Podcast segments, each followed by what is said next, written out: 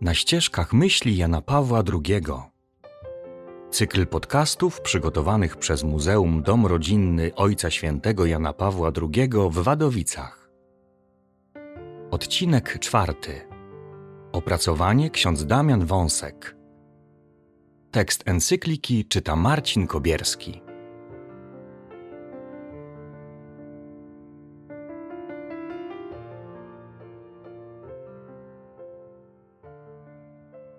Encyklika Slavorum Apostoli, opublikowana 2 czerwca 1985 roku. Poszukiwanie historycznego kontekstu encykliki Slavorum Apostoli prowadzi nas do momentu śmierci apostołów Słowian, a więc pierwszych ewangelizatorów ludów słowiańskich, Cyryla i Metodego, ponieważ ta encyklika została proklamowana w tysiącsetną rocznicę tamtego wydarzenia. Tak jak w pozostałych przypadkach, nie tylko o zwrócenie uwagi na przeszłe wydarzenia papieżowi chodziło. O co jeszcze?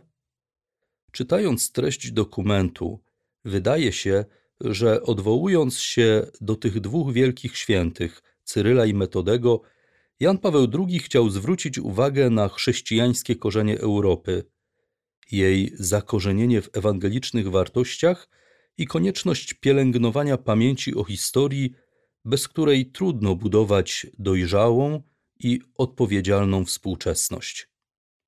Spójrzmy na strukturę tej encykliki. Składa się ona z wprowadzenia, zakończenia i sześciu stosunkowo krótkich rozdziałów. We wprowadzeniu papież przypomina dotychczasowe dokumenty magisterium Kościoła których pojawiają się odniesienia do Cyryla i Metodego oraz do ich ewangelizacyjnego dzieła. Pierwszy rozdział to przypomnienie biografii świętych. Dowiadujemy się, że przyszli na świat w Salonikach, które w IX wieku były ważnym ośrodkiem życia handlowego i politycznego w Cesarstwie Bizantyjskim, które zajmowały wybitne miejsce w życiu umysłowym tej części Bałkanów. Starszy z braci Metody, noszący prawdopodobnie imię chrzestne Michał, urodził się między 815 a 820 rokiem. Młodszy, Konstantyn, później bardziej znany pod zakonnym imieniem Cyryl, przyszedł na świat w roku 827 lub 828. Choć Metody miał szansę na budowanie kariery świeckiej, już około roku 840 porzucił tę drogę, usuwając się do jednego z klasztorów u stóp góry Olimp. Brat Cyryl chlubnie ukończył studia w Bizancjum, gdzie otrzymał święcenia kapłańskie, zdecydowanie odrzucił jednak karierę polityczną. Dla wyjątkowych talentów i wiedzy w zakresie kultury i religii powierzono mu już w młodym wieku delikatne zadania kościelne – takie jak stanowisko bibliotekarza archiwum przy kościele świętej Zofii w Konstantynopolu oraz poważne stanowisko sekretarza patriarchy tegoż miasta. Wkrótce jednak zapragnął uwolnić się od tych obowiązków, aby poświęcić się studiom i życiu modlitewnemu, rezygnując z ubiegania się o zaszczyty. Tak więc potajemnie schronił się w klasztorze na wybrzeżu Morza Czarnego. Odnaleziony po sześciu miesiącach, zgodził się podjąć wykłady z filozofii w wyższej szkole w Konstantynopolu. Później został wysłany przez cesarza i patriarchę w misji do Saracenów. Po wykonaniu tego zadania znów wycofał się z życia publicznego, aby wraz ze starszym bratem Metodym wieść życie klasztorne. Ponownie został wspólnie z nim, jako wybitny znawca religii i kultury, włączony do delegacji bizantyjskiej wysłanej do Hazarów. Wydarzeniem, które miało zadecydować o całym dalszym biegu życia tych świętych, było poselstwo księcia Moraw, Rościsława, wysłane do cesarza Michała III z prośbą o przysłanie jego ludom biskupa i nauczyciela takiego, który by w naszym własnym języku prawdziwą wiarę chrześcijańską wykładał. Wybór padł oczywiście na świętych Cyryla i Metodego, którzy chętnie wyraziwszy zgodę, ruszyli w drogę i dotarli do państwa wielkomorawskiego, obejmującego wówczas różne ludy słowiańskie Europy Środkowej, podejmując wśród tych ludów misję, której obaj mieli poświęcić resztę życia. A nie było to życie łatwe. Metody został nawet osadzony w ciężkim więzieniu. Byli dobrze przygotowani do powierzonej sobie roli. Wieźli z sobą najpotrzebniejsze teksty Pisma Świętego do czytań podczas nabożeństw liturgicznych, przetłumaczone przez nich na język starosłowiański i spisane nowym, opracowanym przez Cyryla alfabetem. Po tej pierwszej misji wrócili do Rzymu. Kolejną musiał podjąć już sam metody, gdyż jego młodszy brat zmarł 14 lutego 869 roku. Dalsza działalność apostolska Metodego została jednak przerwana na skutek powikłań polityczno-religijnych, w wyniku których został on uwięziony na dwa lata, oskarżony o wtargnięcie na teren jurysdykcji innego biskupa.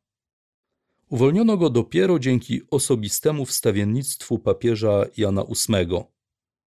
Także nowy władca Moraw, książę Świętopełk, okazał się w końcu przeciwnikiem dzieła Metodego. W konsekwencji misjonarz ten wrócił do Konstantynopola, gdzie ostatnie lata życia poświęcił przede wszystkim pracy nad dalszymi przekładami Pisma Świętego i ksiąg liturgicznych, dzieł ojców Kościoła, a także zbioru kościelnych i państwowych praw bizantyjskich. Zmarł 6 kwietnia 885 roku. Cyryl wraz z Metodem zostali ogłoszeni patronami Europy.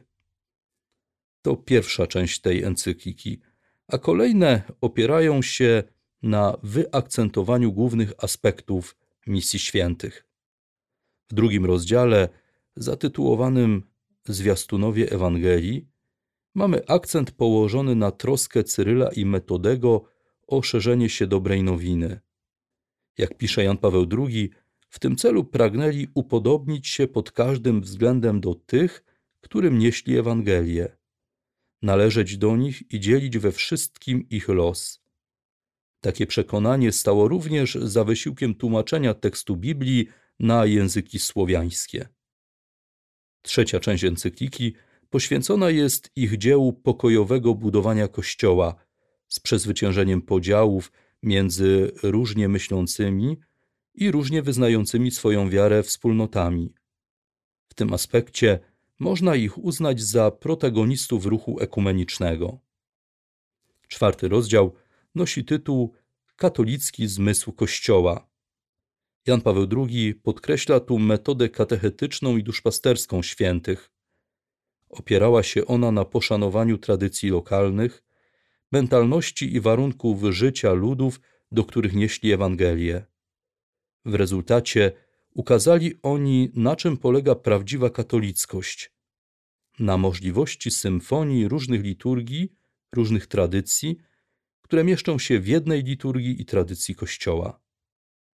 Piąta część, Ewangelia i kultura, to podkreślenie wkładu Cyryla i Metodego w rozwój cywilizacyjny ewangelizowanych ludów, ze szczególnym uwzględnieniem ich inwestycji w opracowanie nowego języka. Ostatni z bloków nosi nagłówek Rozległość chrześcijańskiego milenium słowiańszczyzny. Papież szkicuje tu wpływ dzieła zapoczątkowanego przez apostołów Słowian na rozwój chrześcijaństwa w objętej ich misją części Europy, a więc także i w Polsce. Zakończenie to pochwała i modlitewne uwielbienie Boga za osoby i dzieło Cyryla i Metodego. Jakie pytania stawia nam wszystkim papież na kanwie swej encykliki? Po pierwsze, w jaki sposób patrzę na historię Europy i Polski? Czy dostrzegam bogactwo, które chrześcijaństwo wniosło w rozwój cywilizacyjny mojego kontynentu i mojego kraju? Po drugie, czy pielęgnuję tradycje religijne wyniesione z domu rodzinnego, czy doceniam religijne wychowanie, które w domu odebrałem, osoby, które kształtowały moją postawę i świadomość religijną? Czy odwiedzam lub pamiętam w modlitwie o rodzicach chrzestnych, o katechetach? I po trzecie, czy doceniam fakt, że mam Biblię i liturgię w języku, który rozumiem? Czy staram się z uwagą wsłuchiwać w teksty czytane podczas mszy świętych i podczas nabożeństw?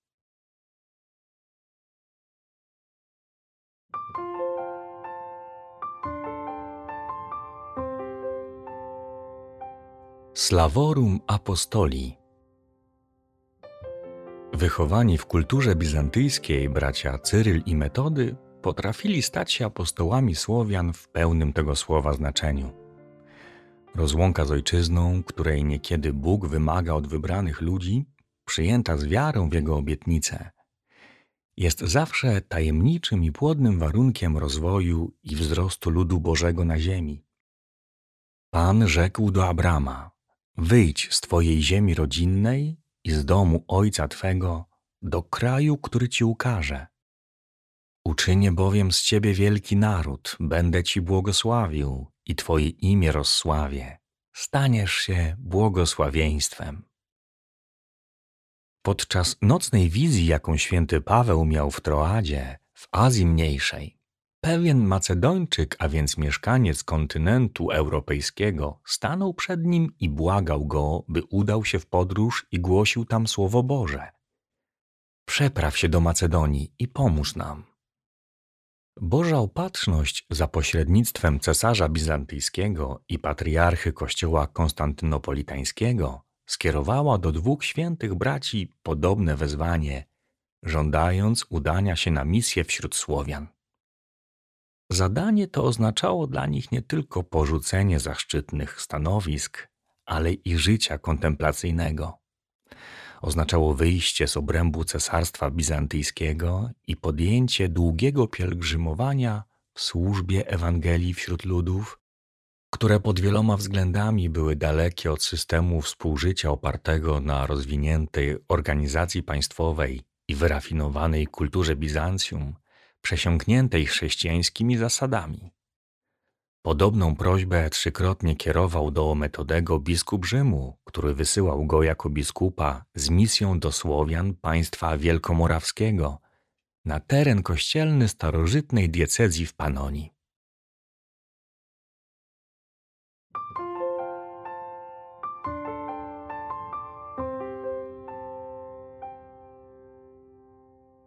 Słowiański żywot Metodego ujmuje prośbę księcia Rościsława skierowaną do cesarza Michała III przez posłów w takich słowach. Przyszli do nas rozliczni nauczyciele z Włoch, Grecji i Niemiec, którzy nas uczą rozmaicie. A my, Słowianie, nie mamy nikogo, kto by nas ku prawdzie skierował i zrozumiale pouczył. Wtedy też Konstantyn i Metody zostali posłani w drogę. Ich na wskroś chrześcijańską odpowiedź, daną w tej i we wszystkich podobnych okolicznościach, doskonale wyrażają słowa Konstantyna skierowane do cesarza. Choć zmęczony i chory ciałem, pójdę tam z radością. Z radością stanę za wiarę chrześcijańską. Prawda i moc ich mandatu misyjnego rodziły się z głębi tajemnicy odkupienia a ich dzieło ewangelizacyjne wśród ludów słowiańskich stanowiło ważne ogniwo w posłannictwie powierzonym Kościołowi powszechnemu przez Zbawiciela aż do końca czasów. Było ono wypełnieniem w konkretnym czasie i okolicznościach słów Chrystusa, który w mocy swego krzyża i zmartwychwstania polecił apostołom: Głoście Ewangelię wszelkiemu stworzeniu, nauczajcie wszystkie narody. Czyniąc to, głosiciele Ewangelii i nauczyciele ludów słowiańskich kierowali się apostolskim ideałem świętego Pawła. Wszyscy bowiem dzięki tej wierze jesteście synami Bożymi w Jezusie Chrystusie. Bo wy wszyscy, którzy zostaliście ochrzczeni w Chrystusie, przeoblekliście się w Chrystusa. Nie ma już Żyda ani poganina, nie ma już niewolnika ani człowieka wolnego. Nie ma już mężczyzny ani kobiety. Wszyscy bowiem jesteście kimś jednym w Chrystusie Jezusie. Obok wielkiego poszanowania dla osób i bezinteresownej troski o ich prawdziwe dobro, obaj święci bracia posiadali odpowiedni zasób energii, rozwagi, gorliwości i miłości, konieczny do niesienia przyszłym wierzącym światła, do ukazywania im dobra i jednoczesnego udzielania pomocy w ich osiągnięciu. W tym celu pragnęli upodobnić się pod każdym względem do tych, którzy nieśli Ewangelię, należeć do nich i dzielić we wszystkim ich los.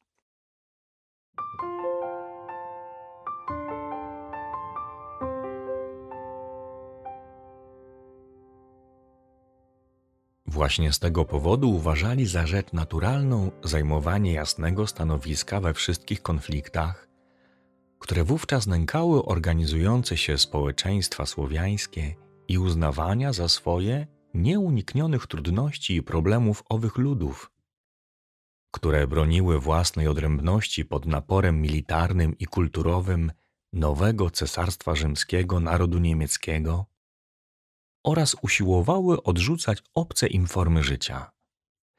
Był to także początek poważnych rozbieżności, które w niepokojący sposób narastały pomiędzy chrześcijaństwem wschodnim i zachodnim. Obaj święci misjonarze bywali w nie osobiście uwikłani. Potrafili jednak zawsze utrzymać nieskażoną prawowierność i szacunek należny depozytowi tradycji, jak i nowość życia ludów ewangelizowanych. Często te sytuacje konfliktowe występowały w całej ich niejasności i bolesnej złożoności. Nigdy z tego powodu Konstantyn i metody nie cofali się wobec próby. Niezrozumienie, wyraźna zła wola, a nawet faktyczne więzy przyjęte przez metodego z miłości dla Chrystusa nie zachwiały ich wytrwałego dążenia do niesienia pomocy i służenia dobru ludów słowiańskich oraz jedności Kościoła powszechnego. Stanowiło to cenę, jaką przyszło im zapłacić za głoszenie Ewangelii, za misjonarski trud, za odważne szukanie nowych form życia i skutecznych dróg niesienia dobrej nowiny tworzącym się narodom słowiańskim.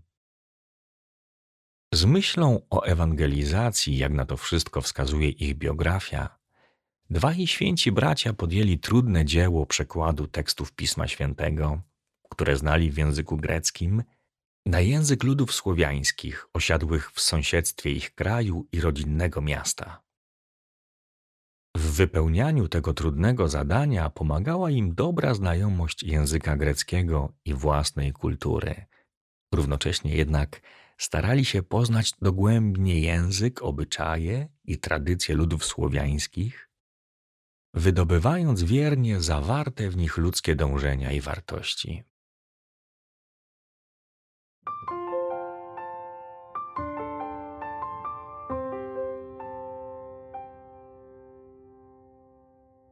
Przekładając prawdy ewangeliczne na nowy język, musieli sobie zadać trud zapoznania się z całym wewnętrznym światem tych, którym zamierzali głosić Słowo Boże, posługując się zrozumiałymi dla nich wyobrażeniami i pojęciami. Poprawne zaszczepienie pojęć Pisma Świętego i teologii greckiej na gruncie innego doświadczenia historycznego i odmiennego myślenia uznali za niezbędny warunek powodzenia swojej działalności misjonarskiej. Chodziło o nową metodę katechezy. Aby bronić jej prawowitości i ukazać jej zalety, metody nie wahał się naprzód wspólnie z bratem, a potem sam udać się z uległością do Rzymu, czy to w roku 867 na wezwanie papieża Mikołaja I, czy w roku 879 na wezwanie Jana VIII, którzy chcieli sprawdzić zgodność nauki głoszonej przez nich na Morawach z nauką, którą wraz z chwalebnymi relikwiami pozostawili święci apostołowie Piotr i Paweł pierwszej biskupiej katedrze Kościoła. Już wcześniej Konstantyn i jego współpracownicy zadali sobie trud stworzenia nowego alfabetu – by prawdy, które mieli głosić i wyjaśniać, mogły być spisane w języku słowiańskim i przez to stać się w pełni zrozumiałe i łatwiejsze do przyswojenia dla słuchaczy. Poznanie języka i umysłowości nowych ludów ewangelizowanych, którym nieśli wiarę, było trudem zaprawdę godnym ducha misjonarskiego, tak jak przykładna była gotowość do poznania i wyjścia naprzeciw wszystkim potrzebom i oczekiwaniom ludów słowiańskich. Szlachetne dążenie do utożsamienia się z ich życiem i tradycją, które oczyścili i oświecili prawdą objawienia, czyni z Cyryla i Metodego prawdziwe wzory dla wszystkich misjonarzy, podejmujących w różnych epokach wezwanie świętego Pawła do stania się wszystkim dla wszystkich, aby wszystkich pozyskać, a w szczególny sposób dla misjonarzy, którzy od najdawniejszych czasów po dzień dzisiejszy, od Europy po Azję, a teraz na wszystkich kontynentach, pracowali i pracują nad przekładem Pisma Świętego i tekstów liturgicznych na żywe języki różnych ludów, aby mogło w nich rozbrzmiewać jedno Słowo Boże, wyrażone w formie właściwej dla danej kultury i dzięki temu dostępne dla wszystkich. Doskonała wspólnota miłości chroni Kościół od wszelkiego partykularyzmu, wyłączności etnicznej, uprzedzeń rasowych czy narodowej pychy. Ta wspólnota musi podnosić i uszlachetniać wszelkie uprawnione, czysto naturalne uczucia ludzkiego serca.